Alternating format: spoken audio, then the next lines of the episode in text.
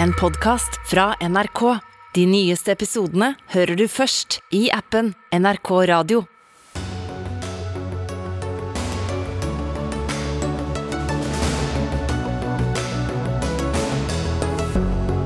Unge kvinner fyller opp forelesningssalene fordi guttene og mennene ikke klarer karakterkravene. Er flere kjønnspoeng løsningen? Fra lekestue og labbetuss til Shakespeare på Nationaltheatret. Geir Børresen var et ekte kunstnermenneske. Det sier Vibeke Sæther om en god venn og medspiller i mange år, og hun kommer hit til oss. Støre, statsminister Støre, ba moderate muslimer om å ta et oppgjør etter masseskytingen i Oslo, med både holdningene og handlingene. Det har skapt sterke reaksjoner, men er uforståelig sutring, ifølge en lokal Ap-leder. Sports-BH det er nok på treningssenteret for en som kommer til oss, men hun blir ofte bedt om å kle på seg. Kleskode hindrer kroppspress, mener en forsker. Velkommen til Dagsnytt 18, NRK P2 og NRK1 med Ugo Fermariello i studio. I går eh, kom eh, resultatene fra samordna opptak om hvilke studieplasser du kunne komme inn på. Og så viser det seg, som det har gjort i flere år, at stadig færre unge menn får oppfylt studieønsket pga. skyhøye opptakskrav. Selv om tilleggspoeng for språk, realfag, kjønn på noen studier og alder skal utjevne forskjellene, så utkonkurrerer kvinner menn i de mest populære studiene juss, medisin, psykologi og odontologi. Tre av ti rundt sett i Norge av medisinstudentene er menn, altså bare tre av ti. Og Mange bruker derfor flere år, også penger, for å ta opp fag for å komme inn. Og Markus Johan Møyland de Boer, du er en av dem. I VG i dag så kan vi lese at du har 21 seksere og én femmer på vitnemålet, og det var ikke nok for å komme inn på medisin i Oslo nå til høsten. Ja, hva syns du om det? Uh, jeg, nei, jeg syns det er veldig kjipt, selvfølgelig. Uh, det er ikke noe ideell situasjon. Um, samtidig så sitter jeg jo igjen med en følelse av at jeg har gjort alt det jeg kan. Um, og det som på en måte utgjør at jeg ikke kommer inn, det er på en måte noe som er utenfor min kontroll. Så er jeg jo fornøyd med egen innsats, og samtidig så er det jo vel å merke så kom jeg inn på våren. Så jeg er happy for det, men det var likevel veldig bittert å få den beskjeden om at jeg sto på venteliste uh, til uh, høsten. Tror du som en, eh, en kommende lege da, at, eh, at, eh, det er sånn de får de beste legene? Hvordan da, tenker du? Å velge med de At det er så høye krav for å, å komme inn, og at du blir utkonkurrert da, av folk som har alderspoeng. fordi det er jo det som har skjedd her i dette tilfellet, og jenter som er bedre. Ja, altså det, For det første det jeg tenker, er det at det å stille krav, det er bra. Og medisinstudiet er nok et studie som alltid kommer til å ha ganske høy konkurranse. Eh, og Dette er i og for seg ikke dumt, fordi du ønsker å ha de best egnede uh, legene. Men likevel så ser vi eller vi, mister mange potensielt dyktige leger uh, kun fordi de ikke har den siste sekseren. og Det, er på en måte så små marginer. Da, fordi du kan se det at sånn, Om, om nynorsksensoren mener at du ikke har en rød nok tråd uh, i teksten din, så kan det være utslagsgivende for om du kommer inn på medisin eller ikke. Og det er ikke her skoen trykker. Det er andre kvaliteter som er veldig viktige, som bl.a. empati og kommunikasjon, som ikke kommer til syne på et karakterkort. Vi skal eh, snart ha en politisk debatt om dette, her, og jeg kan jo nevne at du også er med i Unge Høyre. Men eh, hva synes du bør gjøres med systemet? Altså det jeg tenker, det er det at Å fjerne alderspoengene er jo en start. fordi Dette er poeng som du rett og slett bare får for å bli eldre. Og jeg f.eks. kan jo få jeg kan få opptil åtte poeng kun for å sitte inn og spille, om jeg ønsker det, i fire år. Uh, og så tenker jeg det at Å gi universiteter større frihet er et veldig viktig element her. Jeg tror at um, universitetene selv vet best uh, hvordan de skal finne de best egnede studentene. Og Dette kan jo f.eks. innebære at studiene får spillerom til å kjøre intervjubaserte opptak, hvor du kanskje setter grunn, eh, en grunnbasis for hva du må kunne, som, som, skal ligge på et høyt nivå. Eh, men så kan du ta inn til intervjuer for å sikre at du også får inn de som kanskje er, viser ekstra motivasjon, eller de som eventuelt uh, viser at de har disse egenskapene som ofte ser etter i leger, og ikke kun karakterer. Så Det er mange debatter vi kunne tatt her om hvordan man blir valgt ut til studiene, men 74% av årets søkere til medisin var unge kvinner. Burde vi innført kjønnspoeng? Det ville jo gjort at du kom inn allerede i høst, eh, sannsynligvis. Det finnes allerede på andre fag, som psykologi for menn eller uh, ingeniørstudier for kvinner. Ja, um, Kjønnspoeng syns jeg personlig ikke er en god løsning på problemet. Jeg tror det er, altså det, det er, åpenbart at det er et problem at jenter de drar fra oss gutta. Uh, men jeg tror ikke at dette løser med poeng. Og jeg har ikke lyst til å komme inn pga. at jeg får poeng kun for å være gutt. Det som jeg tror er løsningen på dette, det er å ta tak i roten. Altså hvorfor skjer dette? Uh, og Her har du jo mange ulike årsaker som man må se nøyere inn på. Men dette kan jo f.eks. være altså du, du, har på en måte en slags sånn selvoppfyllende profeti. Fordi det er forventet at jenter skal prestere bedre enn gutter. Og da skjer også nettopp det, fordi man stiller de for annerledes forventninger til jenter og til gutter. Og Samtidig så ser du også på personlighetstrekk at jenter scorer jo bedre enn gutter på planmessighet. Uh, og altså å legge planer osv. Da kan det jo kanskje være en idé at skolene i større grad legger til rette for at gutter får hjelp til å planlegge eller strukturere skoledagene sine. Og Alt dette skal vi komme innom. Takk skal du ha, Markus Johan Møyland eh, de Boer. Du har tydeligvis planlagt ganske godt med alle, alle sekserne du har fått, og begynner da på medisin i Oslo til høsten. Takk for at du var med fra eh, Nederland. Kattverk, Nederland. Ja. Takk for at jeg fikk komme. Elise Vågen, du sitter i eh, utdannings- og forskningskomiteen for Arbeiderpartiet på Stortinget. Kjønnsgapet øker. Bør vi ha mer kjønnskvotering på studiene i Oslo? Ha en form for kjønnskvotering? Altså, Opptakssystemet det er stort og omfattende, for å bare starte med det. Eh, og Nå er det nedsatt et utvalg som skal se på alle typer tilleggspoeng. og Hvordan er det vi har et opptakssystem som både er rettferdig, men som også svarer til det behovet man har ute i arbeidslivet. Vil du ha kjønnspoeng? Ja, altså jeg mener det. Eh, og Noe av grunnen til det det handler bl.a. om hva er det som skal til for å ha gode tjenester til brukerne. Ta f.eks. psykologistudiet, som du dro opp som eksempel. Det vet vet vi at i 2020 så var 14% av de uteksaminerte fra NTNU de var menn. Samtidig så mener jeg at det er en grunnleggende verdi i seg selv at hvis man har behov for en psykolog, at man også skal ha muligheten til å møte en mann. Så jeg mener jo at mangfold og likestilling er en viktig verdi, og at kjønnspoeng er én av delene som man kan bruke til å oppnå det. Men det er viktig å si at det er et inngripende tiltak. Skal... Det finnes jo allerede? Det fins det finnes på enkelte studier, eh, men det fins på studier hvor det er grunnleggende stor skjevhet mellom kjønnene, og det må begrunnes godt. Men jeg mener Men tre av ti på medisin er ikke nok, syns du? Altså, eh, måten dette fungerer på i dag, handler om at det er institusjonene selv som søker kunnskap, Kunnskapsdepartementet, og så kan Kunnskapsdepartementet si ja, om man skal innvilge den søknaden om kjønnspoeng når man skal da tildele plasser.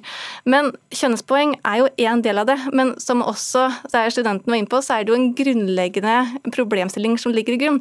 Og jeg mener at man må gå tilbake til det også. at kjønnspoeng er en del av det, som handler om hvordan er det vi skal bruke våre virkemidler vi har i dag. Og det mener jeg at når vi vet at det er så stor skjevhet som det er, så bør vi ta i bruk det virkemidlet også. Ola Sønneby, leder i Unge Høyre. Eh, du vil ikke ha flere kjønnspoeng, men uh, forskjellene er store på enkelte studier. Uh, kjønnsgapet øker, viste tallene som kom i går. Hvordan vil du rette opp situasjonen, eller skal vi ikke rette den opp? Jo, jeg tror vi skal til en viss grad forsøke å rette opp hvis det er studier som nesten utelukkende ender opp med å bare ha, ha ett kjønn. Men jeg tror at vi må i hvert fall prøve å forstå hva som er problemet. og Jeg tror ikke nødvendigvis at gutter ikke søker seg inn på jussen eller ikke søker seg inn på medisin fordi at det er liksom et sosialt stigma med å gå med, med, gå med mange jenter. Det kan jo rett og slett hende at de ikke søker seg dit fordi de ikke har gode nok karakterer. Og Vi har jo allerede hatt et offentlig utvalg, Stoltenberg-utvalget, som viser at gutta henger ganske langt etter jentene. Um, så jeg mener at det er det som er det grunnleggende problemet. At vi må sørge for at um, alle landets gutter får en like god skolegang som alle landets jenter. Og det arbeidet starter mye før de søker på opptak for høyere utdanning. Helge Aune, du har doktorgraden i likestilling og ledet også et utvalg, nemlig Universitets- og høyskolelovutvalget, som konkluderte for et par år siden med at flere kjønnspoeng ikke er rett medisin. Du er også advokat i konsulentselskapet EU. Hvorfor ikke kjønnspoeng? Kjønnspoeng det er et eh, lovlig virkemiddel eh, for særlige kritiske tilfeller. Men det løser ikke et problem. Et grunnleggende strukturelt problem som handler om at gutter underpresterer i forhold til jenter fra og med barnehage, grunnskole, ungdomsskole, videregående. Og så ser vi resultatet eh, hvert år ved opptaket. Eh, så får vi høre de samme fagene som er de høy, høyaktuelle fag som alle vil søke seg inn på, og der mangler guttene. Men vi kunne like godt sagt at Det er veldig få jenter på rørleggerstudiet, på elektrikere, som er håndverkere. Og skal vi da tvangsrekruttere folk inn til de for å få kjønnsbalanse? Det man har gjort i mange år, det er å ta rett og slett det vi kaller moderate tiltak. Informasjon om hvilke muligheter du har med de yrkene. Å gi et ekstrapoeng er vel ikke å tvangsrekruttere, akkurat? Eh, nei, og man kan gjøre det kritiske, men det løser ikke problemet her. Problemet er at guttene har dårligere karakterer enn jentene. Og karakterene er et uttrykk for kompetanse. Så kan du si at når du har seks seksere og en femmer, så er det ikke kvalifikasjonene som er problemet. Men da er problemet at man har ønsket seg til et fag som også veldig mange andre ønsker seg til. Så, sånn at eh, det som er, Skal du løse dette problemet, for denne diskusjonen kommer igjen år etter år, og den har vart i 30-50 år. Problemet for unge menn i dag, som også er flinke, det er at før hadde også jenter bedre karakterer enn guttene. Men da tok de typiske kvinneyrker, jobbet deltid og var hjemmeværende. Det skjer ikke i dag. Så de yrkene når vi tar siste spennende, som er disse tech-yrkene, IT-yrkene, der kommer jentene til å, når de skjønner at de mulighetene kommer, eh, og hva de yrkene kan gi, så kommer de også til å søke seg inn på de yrkene. Og da, og da er også det monopolet for guttene over. Så det er et problem da for, for de som ikke kommer inn. Men er det et problem for samfunnet? Vi får vel da formodentlig de, de beste, da. Hvis det er jentene av en eller annen årsak, så får vi ta tak i roten. Det er jo viktig å huske at de mennene vi snakker om, som kommer inn med det ene kjønnspoenget, det er jo langt ifra ukvalifiserte. Som vi hørte på dette eksempelet, som mangla den ene sekseren.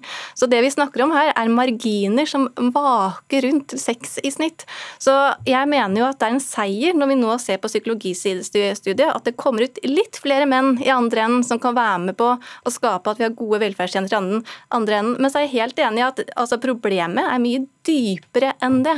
Men når vi først har det virkemidlet, så mener jeg at vi faktisk må ta det i bruk. Men så savner jeg også andre løsninger fra de andre rundt bordet her. Hva er vi da egentlig skal gjøre i praksis? Det å vente på at dette går over av seg selv, det er jo en dårlig løsning. spør meg. Løsningen, oppskriften, er klar. Du må starte i barnehage. Du må stille samme krav til jenter og gutter. Fordi med hvilke krav du stiller, der kommer det læring. Og hvordan, hvilke pedagogiske grep er det du gir og benytter deg av? Tar du matematikk i skogen? Tar du norsk i skogen? Eller tar du telling i lek ute mens du sykler? Så det å bruke til pedagogikken, veldig målrettet. Det vil gagne alle jenter og alle gutter. Så barnehagen må gå inn på banen, og så må vi se på hele grunnskolen. Men dette er 15 år. Hvis du, begynner, hvis du, begynner, i dag, så tar det 15 år. Ja, det er, er, det et problem for de mennene eh, eller kvinnene som, som, er underrepresentert i yrkene selv, eller er det et problem for samfunnet, mener du? Det, du kan si at eh, Det står ikke i Norges lover eller noen menneskerettigheter at det skal være 50-50-fordeling noe sted. Så det er klart at kvalifikasjoner og livserfaring er viktig, slik at vi trenger et mangfold av erfaring. Så det er viktig å få det opp. Men det å kvotere noen, det her det hørte vi også studenten si her, det vil man ikke bli kvotert notert. Så det jeg tror vi må ikke bare tenke kortsiktig nå, men langsiktig. Og to lærere i klasserommet og bygge opp grunnskolen, det er noe som en regjering som sitter i dag kan prioritere å gjøre. Da vil vi få en endring. Ola vi Unge Høyre. Ja, altså, jeg tror også at vi skal erkjenne at det finnes ingen quick fix. Altså, hvis du ville ha absolutt en quick fix, så ville man jo tvunget alle universitetene til å ha to inntakskvoter. En for gutter og en for jenter. Dette kommer til å ta tid. Fordi... Universitetene vil jo i noen tilfeller, de ber om kjønnspoeng. Universitetene ja. i Oslo og Bergen fikk nei til å ha 30% kvotering på psykologistudiet for mm. Eh, noen år siden. Og jeg synes at jeg er tilhenger av at universitetene selv skal få lov til å sette de inntakskravene som de selv mener at det er riktig. Eh, og man vet jo... De får lov til å kvotere hvis de vil det? Om ikke kvotere, så, så har jeg tatt tiltro til at universitetene vet at det er eh, juridisk fakultet i Oslo som vet eh, hvem som kan bli de beste juristene, og medisinsk fakultet vet hvem som kan bli de, bli de beste legene. Men det finnes uansett etter mitt skjønn ingen kviksfiks, for dette problemet strekker seg veldig langt tilbake i tid. Eh, og man har allerede et utvalg, Stoltenberg-utvalget, som så på kjønnsforskjeller i skolen, og de slår jo også fast at vi ikke engang vet hvorfor kjønnsforskjellene oppstår. Så da må Camilla Stoltenberg leder. Elise Vågen, det strekker seg tilbake og tydeligvis frem i tid, hvis vi skal begynne nå. To lærere i skolen. Det er bare å sette i gang, det. Ja, men samtidig så vet vi jo også at det er strukturelle forskjeller også på lærerstudiet, på hvem som velger å bli lærere. Så hvem skal da fylle disse lærerplassene da? Og hvis jeg kan få fortsette... kan få høyere lønn. ja, jo, jo, og helt klart det er en viktig debatt i å rekruttere og beholde lærere, og det er jeg helt enig med at vi trenger flere kvalifiserte lærere. Men poenget er bare at vi har ikke tid til å vente. Helt enig at vi skal starte i barnehagen, og helt enig at dette er sikkert men når man så konkluderer med at man ikke vet hvorfor, at hvorfor man har grunnleggende strukturelle forskjeller, så mener jeg at det er litt det å legge seg ned og vente på at det går over hvis vi vi ikke bruker de virkemidlene som vi faktisk har i dag. Det at vi faktisk nå har Har i dag. Ja, Det er feil å si at man ikke har eh, kunnskap. Det er de tradisjonelle kjønnsrollemønstrene som gjør at man ikke får lik læring. Man stiller ikke like krav til jenter og gutter. Takk skal dere Der er vitenskapen klar. Helge Aune, som da har doktorgraden i dette, advokat og partner i EY. Elise Vågen fra Arbeiderpartiet, Ola Sønneby, leder i Unge Høyre.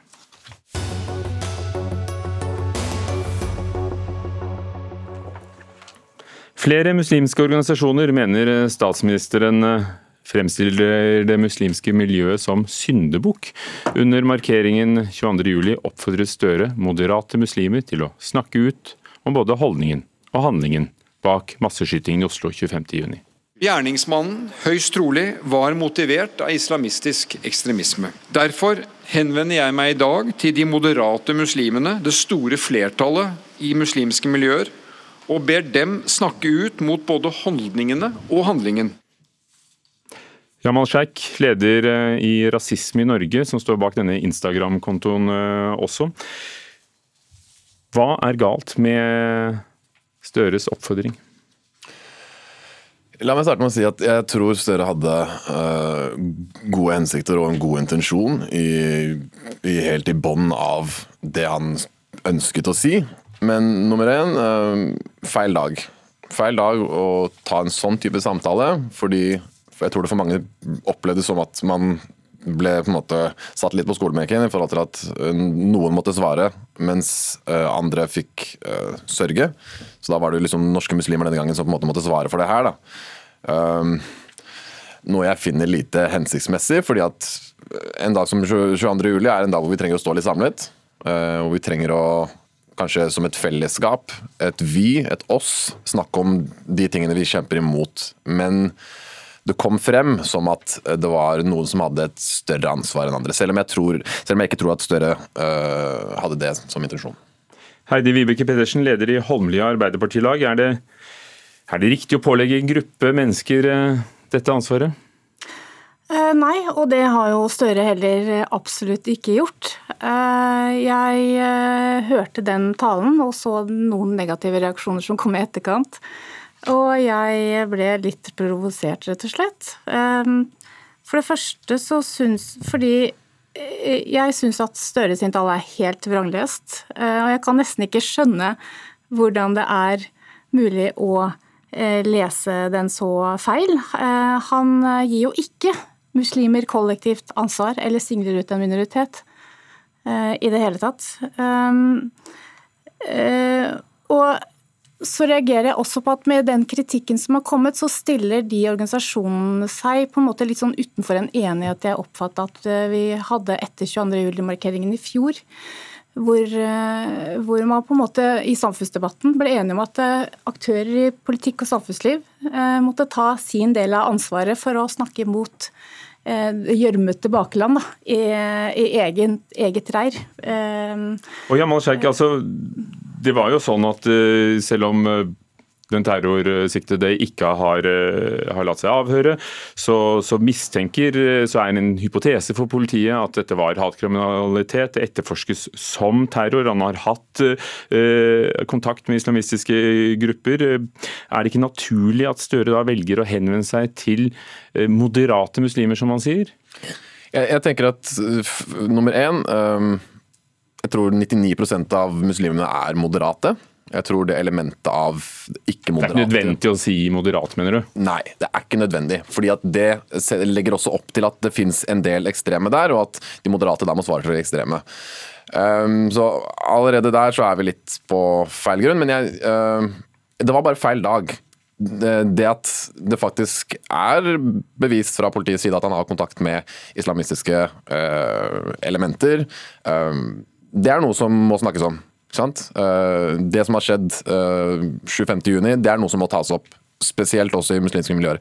Men vi har ikke et særlig ansvar uh, rettet opp mot det. Omar Akhtar, du leder eh, Salam, som er en organisasjon for eh, skeive med muslimsk bakgrunn, og har engasjert deg i debatten. Hva, ja, hva sier du? Hadde Støre et godt poeng? Eh, veldig godt spørsmål. Eh, takk for at du stiller et spørsmål. Jeg må jo bare si aller først at jeg syns det er veldig trist hvordan denne debatten har utviklet seg nå, altså hvor polarisert den er blitt. Nå har det blitt skapt et slags narrativ om at man må være helt enig med Støre, eller så må man være helt uenig med ham. Og det er jeg uenig i. Altså, det vi har prøvd å si hele tiden, er at flere ting kan være sant samtidig. Man kan være enig med Støre og si at dette er kjempeviktig at man setter fokus på, og at det er riktig og viktig at han tok opp denne tematikken under talen sin, men samtidig også poengtere at noen av disse formuleringene kom ut på en uheldig måte, og at de kan bidra til stigmatisering og en lite konstruktiv måte å tilnærme seg homofobi og transfobi i eh, muslimske samfunn, herunder også trossamfunn på. Og, og Han brukte jo aldri de ordene, han sier bare at det er høyst trolig at dette var eh, Absolutt. bakgrunnen for men, eh, angrepet. Men så har jeg også talen til Støre her. og det er jo slik at Støre i sin tale forteller at Nå leser jeg bare et lite utdrag. Og gjerningsmannen høyst trolig var motivert av islamsk ekstremisme. Det er det egentlig ikke noe tvil om. altså Vi er jo alle ganske enige om at han var mest sannsynlig islamist, og at dette var et islamistisk terrorangrep. Men, men, så, sier, altså, ja. men så sier Støre derfor, og derfor det er jo en pro, et eh, pronominaladverb. altså Det er noe som forklarer en årsakssammenheng. Og så sier han etterpå at han henvender seg i dag til de moderate muslimene, det store flertallet av muslimer, og ber dem snakke ut mot både holdningene og handlingene. Og det å snakke ut mot holdninger, det tror jeg vi alle sammen kan være enige om at eh, det er et kollektivt ansvar. Altså Det trenger muslimer å ta, det trenger storsamfunnet å ta. Men handlingen. Her refereres det spesifikt til et terrorangrep, og at muslimer må snakke ut, et, eh, snakke eh, ut mot et terrorangrep. Og nå har vi i 15 år tatt avstand fra alle terrorangrep som muslimer står bak. Og jeg syns det er ganske sårt at man igjen ber da muslimer om å ta avstand fra et terrorangrep som det er veldig åpenbart at muslimer ikke støtter. Dette har vi fått bekreftet gjennom SKUP-undersøkelsen bl.a., at muslimer støtter opp om grunnleggende demokratiske rettigheter. og Derfor er det ekstra sårt at denne formuleringen ble fremsatt på denne måten måten. Heidi Vibeke Pedersen, har, de, har Romer Rakhtar vranglest Støre? Eh, ja, eh, han har vranglest eh, Støre. Han, eh, først vil jeg bare si til deg det at det var feil dag.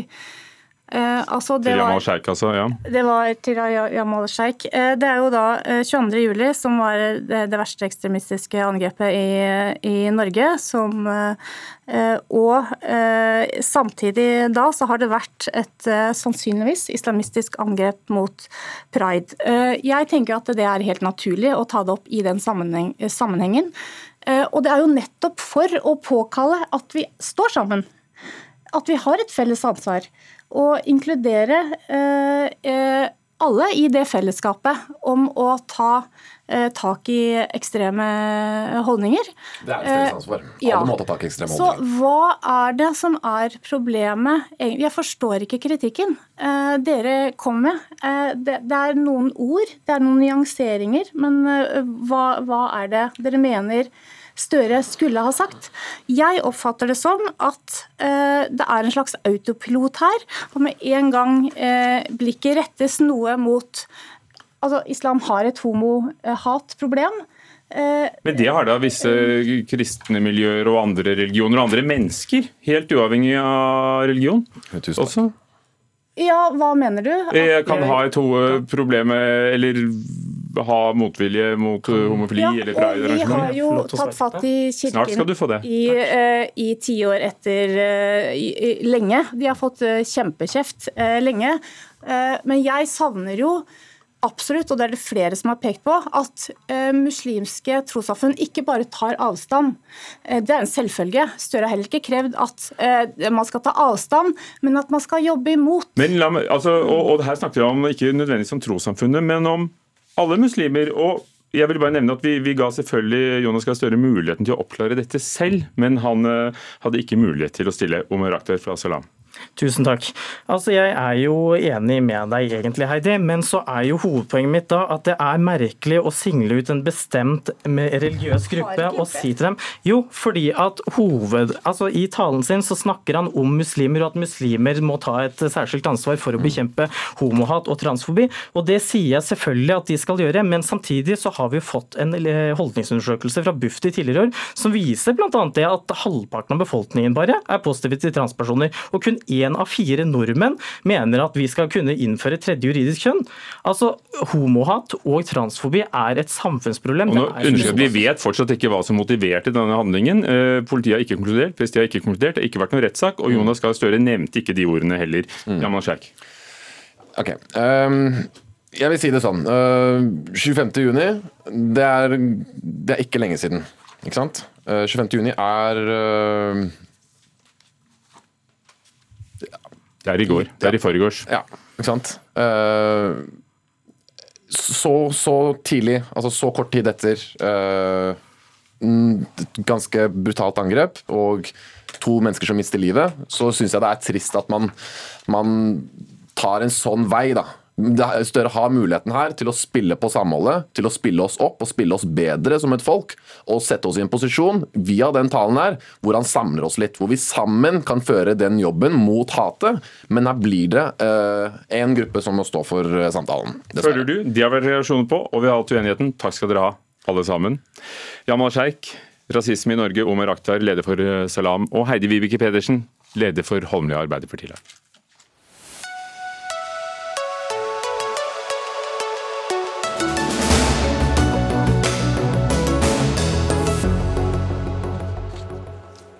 Arbeidsledigheten er under 3% Norge mangler ikke arbeidsfolk. Bedriftene kan bl.a. bruke nordmenn som får trygd, mener Arbeiderpartipolitiker. Og det er bare tull, svarer NHO.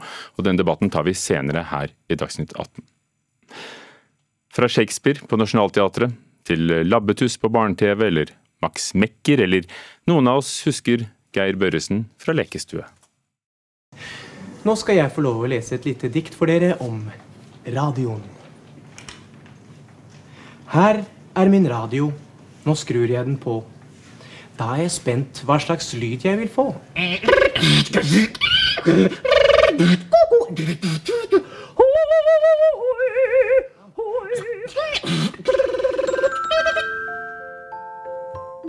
Hør på musikken. En fin menuett. Ja, Vibeke Sæther, Geir Børresen er borte. Han eh, var din venn og medspiller på TV i mange, mange år. Hva er de første minnene som strømmer på? Lek og latter. Og vennskap.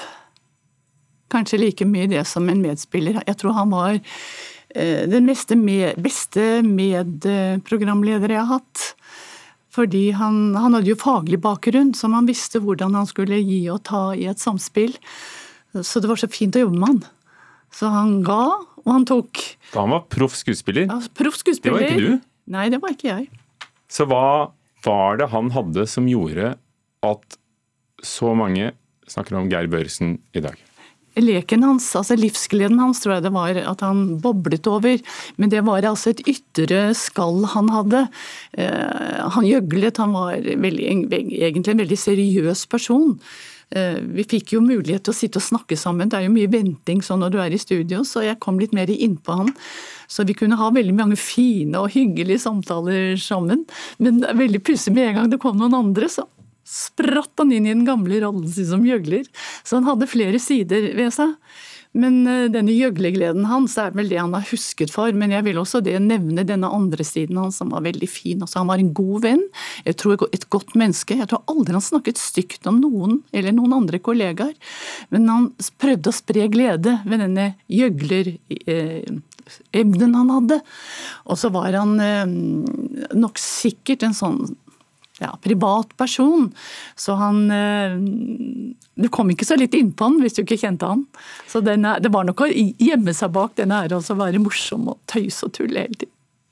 Altså Max Mekker i Sesam stasjon for de, de, yngre, Labbetuss for de litt yngre enn det igjen, Lekestue for veldig mange av oss, ja. og enda for det, et program du, du, skrev og laget. Kanskje du tegner en pjuske-ruske-snusk? Ja.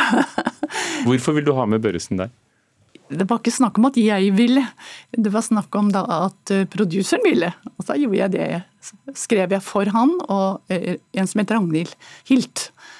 De var programledere da. Og da visste jeg litt om han. Jeg hadde sett han på scenen og visste hvordan han var, så jeg kunne skrive en rolle for han. Hva var det som skjedde, for dette var banebrytende TV? Dette har preget en hel generasjon. Syns du ikke det? Ikke vær så beskjeden, da. Nei, hyggelig å høre. Ja, kom igjen. Hva var det dere gjorde som gjorde at dette, dette bergtok generasjon etter generasjon etter generasjon? Det det kaller, ja, men det var det de kalte entertainment. At du, du knyttet sammen det der å eh, gi kunnskap. Altså, jeg er utdannet eh, barnehagelærer, så man er jo sin stolthet, ikke sant. Og samtidig med dette med å underholde, og mm, kunne man slå det sammen. Så når man begynte f.eks. med lekestue, så så jeg åh, der var det. Det var akkurat sånt program som gikk, sto mitt hjerte nær. Ja, og det kunne se ut for oss som dere lekte, men det var ikke mye improvisasjon der? Nei, det gjorde vi ikke. Altså Her var hvert bidige ord var nedskrevet, og vi jobbet og jobbet og jobbet, og pugget utenat. Det var altså fem dager i studio, to og en halv times skrevet ned drama som vi måtte kunne. Men vi hadde en ukes prøvetid først, så vi jobbet veldig hardt med det vi skulle. Derfor var det mulighet av og til å hoppe ut av rollen og finne på noe. Han skulle hele tiden ha meg til å ramle ut av rollen min. altså Det merket jeg. Jeg så det på øynene hans, begynte å kjenne, kjenne han. Så tenkte jeg her er noe på gang, her må jeg være litt på vakt. Så det var ikke alltid så lett. Et dypt kunstnermenneske kalte du ham. Hva, hva legger du i det? Jo, for han hadde denne kunstnerevnen i seg. Det var så veldig tydelig. Han hadde boblet, han hadde fantasi, han hadde kreativitet. Og samtidig disse tankene hans. Han var veldig søkende. F.eks. dette han ville utfordre. Jeg visste at han dykket. Ikke skulle få meg til å dykke, men han dykket langt under havet. Og ikke som andre mennesker da, for å lete etter skjell og fisk. Når han skulle male, han malte under vann? Ja, hvorfor, hvorfor, det? da? Men det ble veldig flott. Jeg så noen av bildene hans, det var helt nydelig, det han hadde laget. Men hvem gjør da det, da? Det gjør Geir Børresen. Og så var han på Oslo Nye, han var på Nationaltheatret. Hvordan var han på scenen? Der var jo du publikum. Nei, han, han gikk seriøst inn i rollen. Han var en god skuespiller, rett og slett. Men en gang fortalte han meg, og det var mens vi holdt på med lekestue, da var han på Nationaltheatret. Da skulle han være Jesus Kristus, og det er ingen, ingen hva som helst, altså. Idet han kommer inn på scenen, så sier han 'Jeg er Jesus Kristus' og står der og er veldig sterkt, og så hører han noen som roper 'Nei, det er Geir fra lekestuen! Geir, Geir, Geir!' Og så begynte publikum, for det var sånn ungdomsmulighet for ungdomspublikum som var der. Og da datt han igjen med en gang. Men så husker jeg han sa 'Men jeg er jo Kristus, jeg kan fly, jeg har kraft'. Så bare fortsatte han. Vibeke Sæther, takk for at du kom til Dagsnytt 18. Og det var så lite. og mintes Geir Børresen, som døde i går.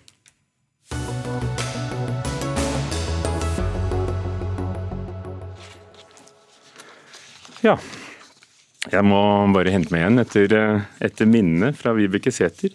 Det skal handle om uh, kulturtidsskriftet Subjekt. Og her er en påstand. Subjekt slipper til faktafeil i kronikkene de publiserer. Det skriver blogger Gunnar Tjomli. Subjekt er altså en kulturavis eh, på internett først og fremst, som ofte blir sitert pga. også kontroversielle meningsinnlegg. Men uh, altså ikke bare et tidsskrift for godt kulturstoff og friske debatter, mener du, Gunnar Tjomli. Du kaller deg faktasjekker. Anklager Subjekt for å publisere nettopp feil fakta. Kan du gi oss noen eksempler? Jeg er alltid litt usikker på om jeg har kalt meg selv faktasjekker, eller om det er Nei, andre som kaller meg det. Men... jeg trodde du gjorde det, men uh... Nei, altså Jeg er jo glad i å, å, gå inn i forskning og vitenskap, og, og, gjerne det media publiserer, for å se om det er hold i det. Og Det som har irritert meg over en tid, er at det ser ut til at Subjekt, og de er jo ikke alene om dette, har publisert en del meningsytringer som er basert på det jeg vil kalle rene faktafeil, vitenskapelige faktafeil. Og I bloggen min så har jeg jo ramset opp mange eksempler på det, det er vanskelig å ta alt. Men altså, vi ser jo argumenter som er fremma med den hensikt, virker det som, å svekke tilliten til det, og spesielt til covid-vaksinene. Svekke tilliten til de, gjør folk redde. Eh, det er konkrete påstander om at det er større risiko for å bli smitta hvis du er vaksinert enn hvis du er uvaksinert. Det blir lenker til kilder som hevder at eh, covid-vaksinene dreper tusenvis av mennesker og er livsfarlige, kan ødelegge hjernen din. Alt mulig sånn. Og dette mener jeg er en, spesielt i en pandemisituasjon så er det farlig. Og det bygger jo til syvende og sist på en slags konspirasjonstenking, for da er jo det overordna tankegangen at myndighetene lyver til oss. Men Gunnar Kjumli, la oss høre. Dambi Choi sitter der, sjefredaktør i Subjekt. Er dere blitt en arena for desinformasjon, da? F.eks. når det gjelder vaksiner under covid-19-pandemien? Nei, absolutt ikke. Og jeg mener jo at eh, kritikk er veldig viktig, og at vi i media må ta kritikk på alvor. Vi driver jo med dette selv, og det er kjempeviktig at eh, vi i mediene ettergår og beklager hvis vi gjør faktafeil. Men, Men det, det har ikke du vært med på? Nei, fordi at jeg er helt uenig i prinsippet her, og, nei, premisset her. fordi at Han sier jo at det virker som om vi har lyst til å spre ikke sant, desinformasjon. og Hva skal vår interesse være i det? Vi har f.eks. kritisert koronapasset, vi har kritisert også koronavaksinen, men det er jo kjempeviktig. Det så vi jo med AstraZeneca-vaksinen f.eks. Jeg mener jo at vi skal ikke ha et samfunn hvor vi massevaksinerer hele befolkninger uten at det skal møte massiv motstand. I et demokrati så er det heldigvis og dessverre slik at slike beslutninger er veldig vanskelig å få gjennomslag for, og det skal møte kritikk. Så jeg mener jo at eh, Tjomlids kritikk egentlig vitner om et eh, manglende, en manglende forståelse for pressens samfunnsoppdrag. Nettopp vi skal utfordre hvordan forskningen er blitt gjort, hva som ligger bak egentlig denne eh, myndighetenes anbefalinger og råd og tiltak. Og Derfor er det veldig viktig at kritikken kommer. Og den kom nå. Gunnar Tjomli, hva, hva, sier du til svaret? Altså, fortell oss aller først, hva er, hva er fakta? Hvis det er motstridende fakta, få dem på bordet? Altså Fakta må jo være der tyngden av vitenskapelig evidens til enhver tid ligger. Og Jeg er jo helt enig med, med Dan Bichoy om at det er viktig å ha disse debattene. Men der vi er uenige, er jo at jeg mener at skal du ha den debatten, så må det være basert på faktisk god vitenskap, og ikke at folk lenker til tvilsomme kilder fra antivaksinegrupper osv. Som er beviselig feil, og som redaksjonen kunne ha faktasjekka før de satte dette på trykk. Fordi det, det, gir jo ikke en opplyst debatt hvis premissene for debatten er basert på rene antivaksineløgner. Du, eh, Faktasjekk er veldig viktig, og derfor har jeg også som styremedlem i eh, Oslo Redaktørforening Legeforening så har vi eh, bl.a. bevilget eh, støtte til faktisk verifiserbar, men eh, faktasjekk er også noe som må gjøres grundig og riktig. Jeg mener at mye av det Gunnar Tjomlid går inn på, handler om verdidebatt og meningsinnlegg som egentlig ikke er like etterprøvbart. Han kommer jo med konkrete eksempler fra pandemien. Ja, men de helt konkrete eksemplene han viser til, så viser vi også til god og riktig forskning. Så altså, Noen ganger så er det jo faktisk sånn at været eh, Man sier at i Oslo så regner det, men så er det plutselig sol på Holmenkollen fordi at det er regn på, i Groruddalen. ikke sant? Og i en debatt, så er det faktisk sånn at to eh, uenige parter kan ha forskning på sin side. Selv forskere Hvordan er uenige med hverandre. Du, da? Du, du er opptatt av faktasjekk. Når du får et innlegg, en kronikk, ja, ja. Eh, hvordan faktasjekker dere innlegg før de publiseres? Vi, går gjennom, vi er veldig opptatt av at påstander skal lenkes til, og så går vi gjennom da kildene. For det første, så Dette er helt vanlig kildekritikk. Vi går gjennom kilden, og så ser vi hvilke, om det har et uavhengig ståsted, om det har andre agendaer osv. fordi da vil det være mer tvilsomt, mindre troverdig. Vi går også bl.a. gjennom forskningsrapporten og leser om, om, dette har noen anerkjennelse.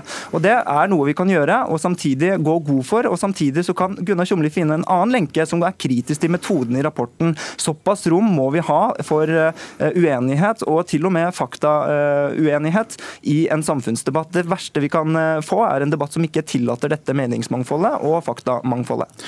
Men altså Vitenskapelige sannheter avgjøres jo ikke i avisene av folk som ikke er kompetente til dette. Og når du sier at dere faktasjekker. Jeg mener, jeg har jo selv i bloggen min vist til en spesifikk artikkel der det blir vist til tre kilder som skal argumentere for at det er større risiko for at du blir smitta hvis du er vaksinert.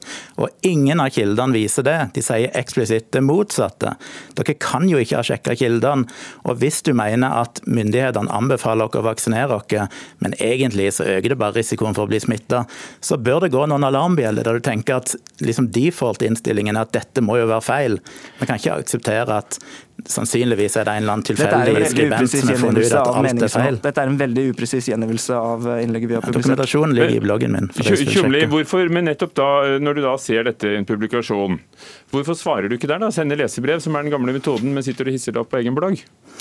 Det er rett og slett fordi jeg over lengre tid, og dette starta jo uh, lenge før de siste debattene, så har jeg vært irritert over at jeg føler media i større og større grad ser ut til å publisere eh, meningsinnlegg, kronikker, som virker nesten designa for å provosere. Altså Målet ser ut til å være at hvis vi kan eh, provosere folk og slippe gjennom kanskje litt faktafeil, så vil det føre til motinnlegg som gir gratis innhold til avisene.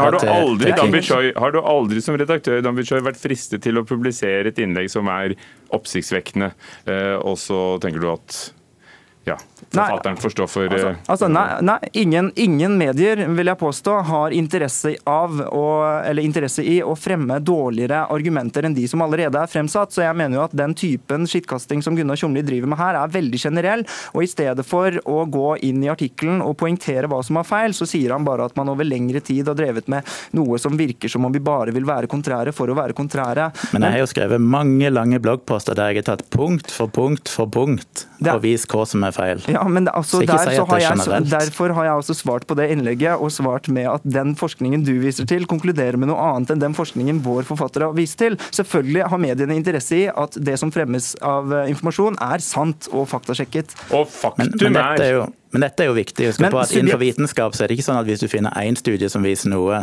så er den nulla ut hvis du bare finner en annen studie Nei, som viser noe men er annet. Det det handler om kvalitet. Nei, dette handler jo om å forstå hvordan forskningen fungerer, og hva som er god evidens og dårlig evidens. og Men- Det tror jeg ikke redaksjonene ofte er i stand til. Subjekt publiserer 50 artikler i uken. Det er 2500 artikler i året. Og at eh, Gunnar Tjomlid har hengt seg opp i to, tre, fire stykk altså det, det, og, Det hørtes ut som det var samtidig, flere, men vet dere hva? og samtidig konkluderer med at dette er konspirasjonsteori. Er Deres tid er over. Takk. Dan Choi, redaktør i Subjekt. Gunnar Tjomli, som eh, da har din egen blogg.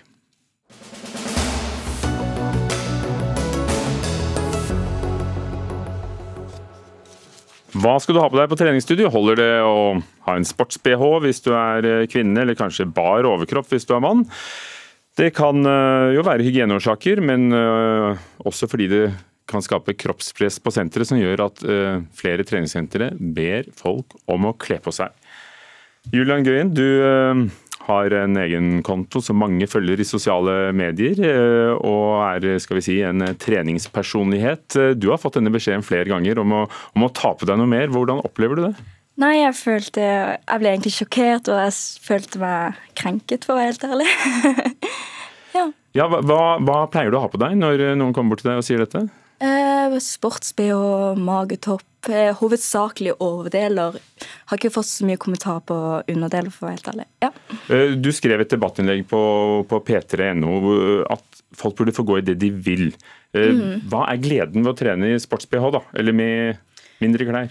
For min del, eh, når jeg trener, så liker jeg å gå i eh, tøy som får meg til å føle meg bra. Det gir meg motivasjon, og det er jo litt gøy å kjøpe treningsklær og sånn. Åh, nå skal jeg på gymmet med mitt nye treningstøy, fordi det får meg til å føle meg bra, rett og slett. Leif Nilsen, daglig leder i Actic Norge. Dere har treningssenteret fra Kristiansand til Alta. og Hvis eh, Julia trente hos dere, ville hun hatt lov til å komme i sports-BH-en sin? Altså Våre trivselsregler, trivselsregler per i dag er eh, at man ikke har lov til å trene i sports-BH. Hvorfor? Eh, en gang til. Hvorfor? Nei, det er, eh, altså det, Dette er trivselsregler vi har hatt en stund, som på en måte henger sammen med vår profil og hvordan vi ønsker å fremstå, i forhold til også hvordan medlemmene kanskje på våre sentre syns at skal gå kledd. Men, men samtidig så er jo dette på en måte en dette er en diskusjon på litt flere andre nivåer enn nettopp bare dette med sports-BH. Eh, Det går jo altså i forhold til hvordan eh, man skal se på mennesker i forhold til kropp. Så skulle jo jeg ønske noen ganger at man hadde en mer sånn større toleranse og en mangfold til å være den man vil være. Det skulle jo jeg på en måte ønske. Og vise det. Ja, men, men nå er det noe sånn en gang at det er ikke alltid det er sånn, og på en måte tidene er inne for at det skal være riktig. Eh, og så er det sånn at treningsbransjen får det stempelet at vi skal være de som skal passe på dette med kroppsideal. Jeg tror jo at folk som kommer til oss når de er 16-17 år og trent, den påvirkningen de har fått om kanskje det som er et feil kroppsideal, det tror jeg de allerede har fått før de kommer til oss. Det er jeg enig med. Eh, Jeg tror det handler om det større bildet. altså Kroppspress finnes overalt i daglig samtale. Vi. Bare sånn, hvis noen jenter skulle gått på prøverom der prøvd på sentopp, og brystene mine ser sånn ut Det er liksom alltid snakk om kropp, og det er ikke rart det er så stort kroppspress. Så, så klart, eh, det handler om det større bildet. Men på treningssenteret vil du ha på deg det du vil? Ja, jeg syns folk skal få lov til å komme og gå som de er, rett og slett. Kjette Svantorp Tveiten, forskningsansvarlig ved Norges toppidrettsgymnas. Du har doktorgrad nettopp i kroppsbildet og, og kroppen vår. Og, og du heier på at det er trivselsregler, som du kaller det, kleskoder, reglementer. Hvorfor? Jo, jeg kan forstå at man ønsker å gå kledd sånn som man ønsker å gå kledd. Samtidig så vet vi det at det å oppholde seg i miljøer hvor fokuset på kropp er innmari stort, altså hvordan kroppen ser ut, hvor det kommuniseres, enten språklig eller nonverbalt, at det påvirker hvordan de andre, da f.eks. medlemmene på treningssenteret og de som trener, eh, opplever kroppen sin. Så det er ikke moralisme fra, fra treningssentrenes side? da? Nei, det er det ikke. Jeg tenker at de har sin rett til å ha de trivselsreglene de, de ønsker. Eh, for det er jo sånn at det er veldig mange medlemmer på et treningssenter som trener, som har ulik treningsbakgrunn. Eh, og at man da har et reglement eh, og en atferd som da er med på å ivareta trivselen til, til alle de som trener, og ikke minst de ansatte.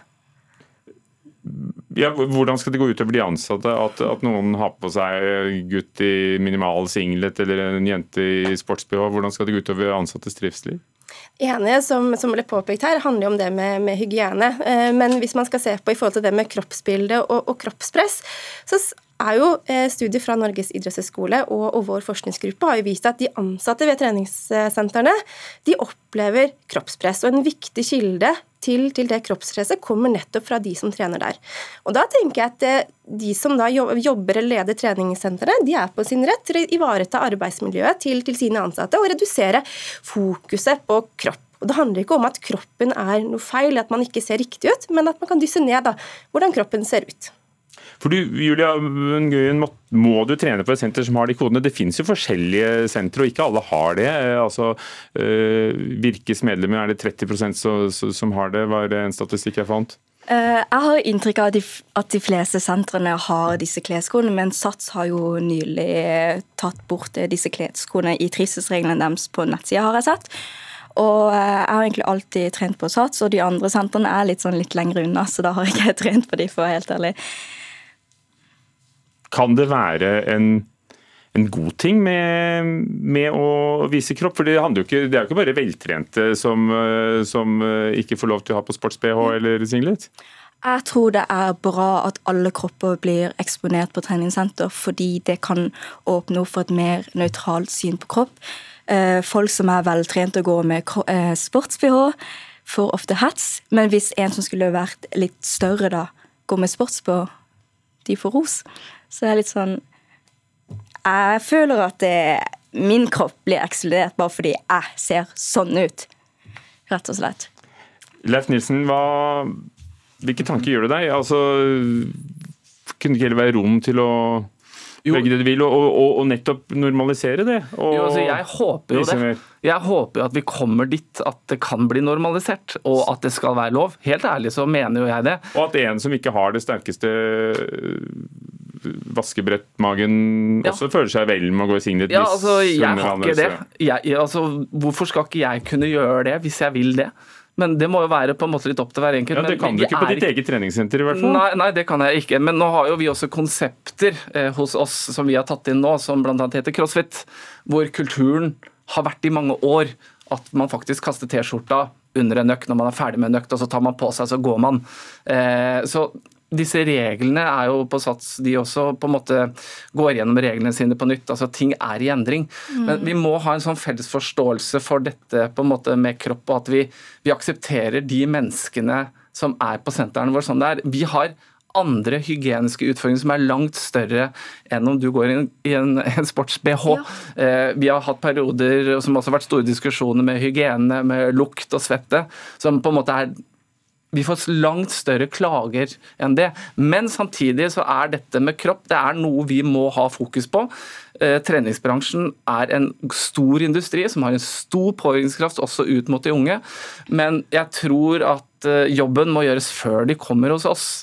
Kette Svantoft Tveiten, vil det aldri være inspirerende å se noen som er uh, veldig godt trent og tenker at ja, jeg kan uh, nærme meg dette idealet her en dag og være mer i form? Mm, for de som uh, har det idealet som en egen målsetning, så vil man kanskje umiddelbart oppleve at det kan være motiverende fordi at man nettopp oppsøker og sammenligner seg med den type idealer.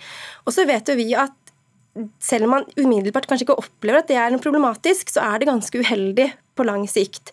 Og så ser man det at det å motiveres ut fra ytre faktorer som handler om å endre på kroppen sin, eller det å oppnå et visst type utseende f.eks., at det er uheldig på lang sikt, også hvis man ønsker å f.eks. endre på, på livsstilen sin. At en sånn type motivasjon er ikke bærekraftig over tid. Hva er det som er bærekraftig motivasjon, da?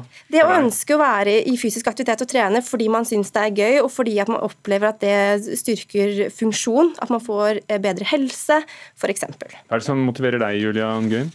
Altså, La meg være helt ærlig. I begynnelsen av min eh, treningsjourney så var jeg veldig fokusert på kropp. Jeg ville ha sixpack, jeg ville ha tie gap. Jeg ville se sånn som henne, sånn som henne. Men jo eldre jeg har blitt, og jo mer jeg har satt meg inn i trening, så har jeg forstått at mitt hvorfor er så mye dypere enn bare utseende. Jeg har lyst til å være sterk, jeg har lyst til å føle meg bra, få mestringsfølelse. Og det er det som har fått meg så langt jeg er i dag. Det handler så mye mer om utseendet, og håper folk virkelig får det med seg og forstår at det er ikke bare kropp. Det er ikke bare kropp. Er treningssenteret flinke nok? Jeg syns at uh, treningssenterbransjen de siste, siste, årene har gjort utrolig mye bra for å dysse ned kroppsfokuset. Endret markedsføringsstrategi og treningskonsepter. Så man har nok en liten vei. Med de store speilene? Ja. ja. nei, ikke nødvendigvis. Men uh, de har gjort mye, utrolig mye bra. Takk skal dere ha alle sammen. Og så husker vi at det er ikke bare kropp. Julian Gøyen, treningsinfluenser. Kete Svantorp Tveiten, forsker ved Toppidrettsgymnaset, og Leif Nilsen i Actic eh, Norge.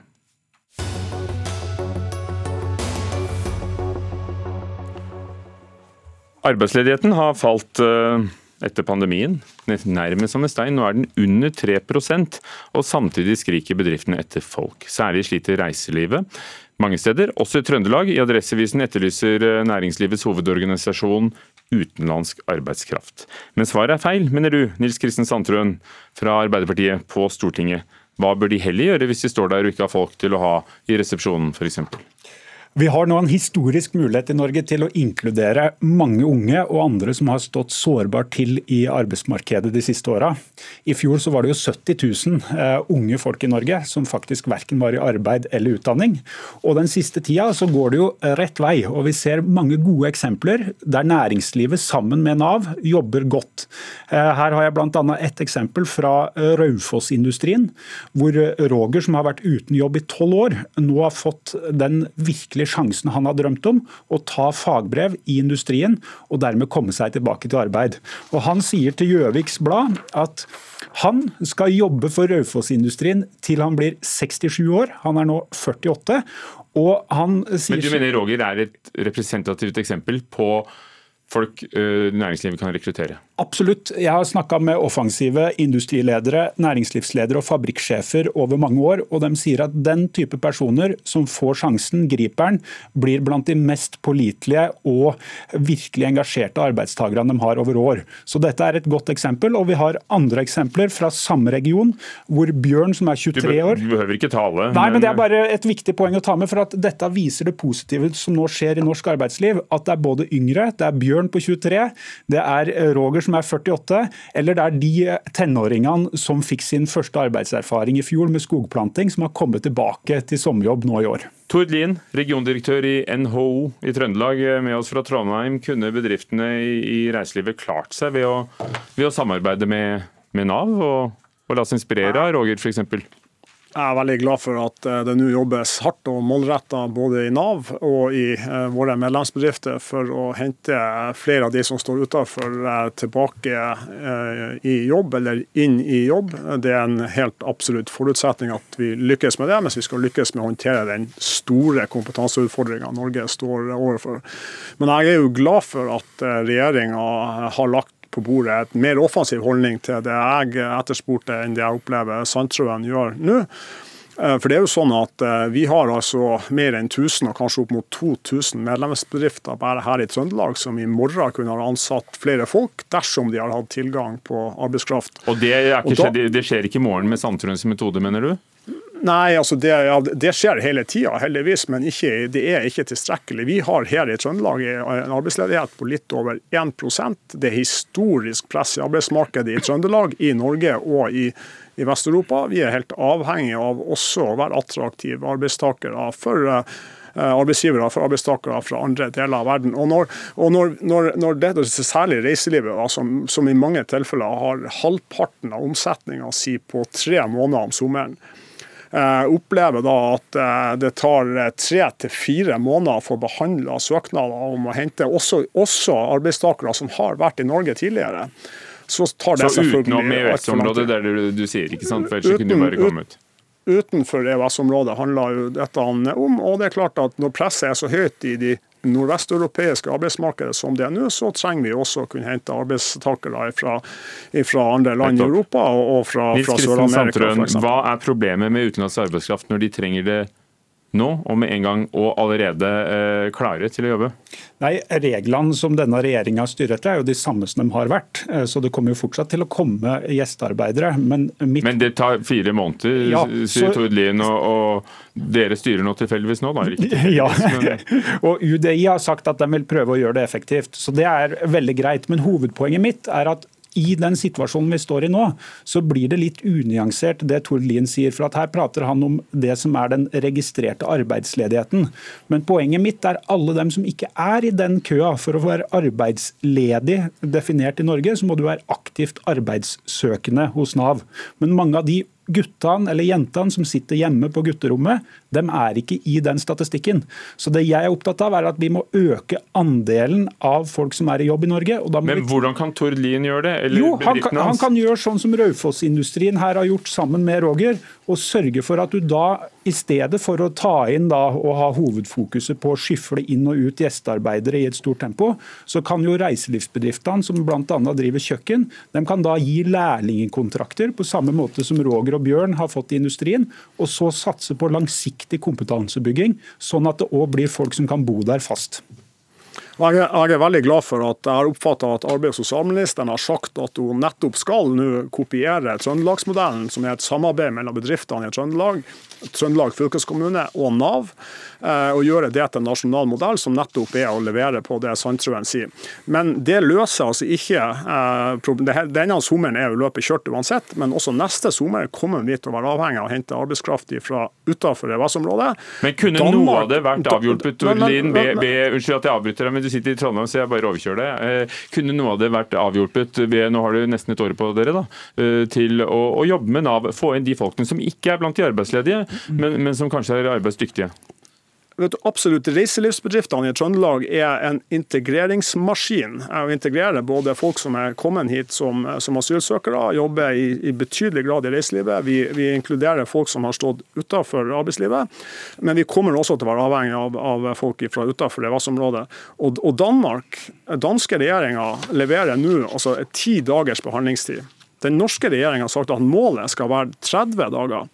Og Når vi da har reiselivsbedrifter, særlig i distriktene i Trøndelag, som venter i åtte måneder på å få svar, så syns ikke jeg det er godt nok. Og Her nytter det ikke å tro at én ting vil løse den store utfordringa bedriftene har nå med å få tak i folk. Vi er nødt til å ha flere strategier. Vi er nødt til å få flere som står utenfor til å komme inn. Der gjør reiselivet en fantastisk jobb. Det vil jeg selvfølgelig oppfordre de til å fortsette med. Men vi er også nødt til å gjøre både å beholde EØS-avtalen, som jeg antar Sandtrøen er enig i, og rekruttere ja, folk fra Nord-Europa. Jeg tror ikke vi tar EØS-debatten nå, men vi lar Sandtrøen svare. Ja, dette minner jo om situasjonen vi hadde i fjor sommer. For da var jo vi krystallklare og hadde et enkelt og godt budskap som alle forsto. Vi sa at nå må vi slippe ungdommen til, f.eks. i landbruket. Og det gjorde de, og da hadde vi en reportasje som ble ganske, ganske berømt, eh, om ungdom som skulle hjelpe til eh, i åkeren. De kom, eh, var sendt av Nav, og da arbeidsdagen var omme, så var det ingen norske ungdommer igjen. For det ble for hardt, sa bonden. Ja, det er det noen som har hevda, men jeg var jo ja, altså, dette, var, dette var en reportasje. Ja, ja, selvfølgelig. Men det er jo som alt annet i livet, at det er jo ikke alle forsøk som lykkes med en gang. Men jeg var ute sammen med Susanne, Stine og Fredrik, som hadde skogplanting som arbeid. Og de var topp motiverte, de hadde forberedt seg godt. Og Glommen Mjøsen, som hadde ansvaret for skolering, var veldig dyktig og forberedt. Så dette funker. Kan de ikke selv søke jobber? Eh, det er veldig mange som trenger å få vite om de ledige jobbene som er, kanskje litt andre steder enn der de bor. og Derfor så sier vi nå vi har vært tydelige hele veien. Så lenge det er én person som kan inkluderes, så kommer ikke vi til å gi oss i den jobben. For dette handler om livsmestring, Du helse sier, Tord Lien, Nei, jeg sier at jeg er helt enig. Jeg var òg ute sammen med skogplanterne i Trøndelag eh, og, og planta skog. Eh, Så tror jeg vi må være ærlige og si at eh, det var nok ikke eksempel på ungdom som sto veldig langt unna arbeidslivet. Tvert imot var det idrettsungdom både fra videregående og, fra høyere utdanning som var fysisk veldig godt kvalifisert. Og det er klart at arbeidslivet strekker seg langt for å inkludere folk som men vi strekker oss ikke lenger nå. Takk Tord Lien, takk Nils Kristen Sandtrøen. Dette var Dagsnytt 18. Sofie Lorp Falk var ansvarlig for det hele. Frode Thorshaug for det tekniske. Ugo Fermarello, programleder.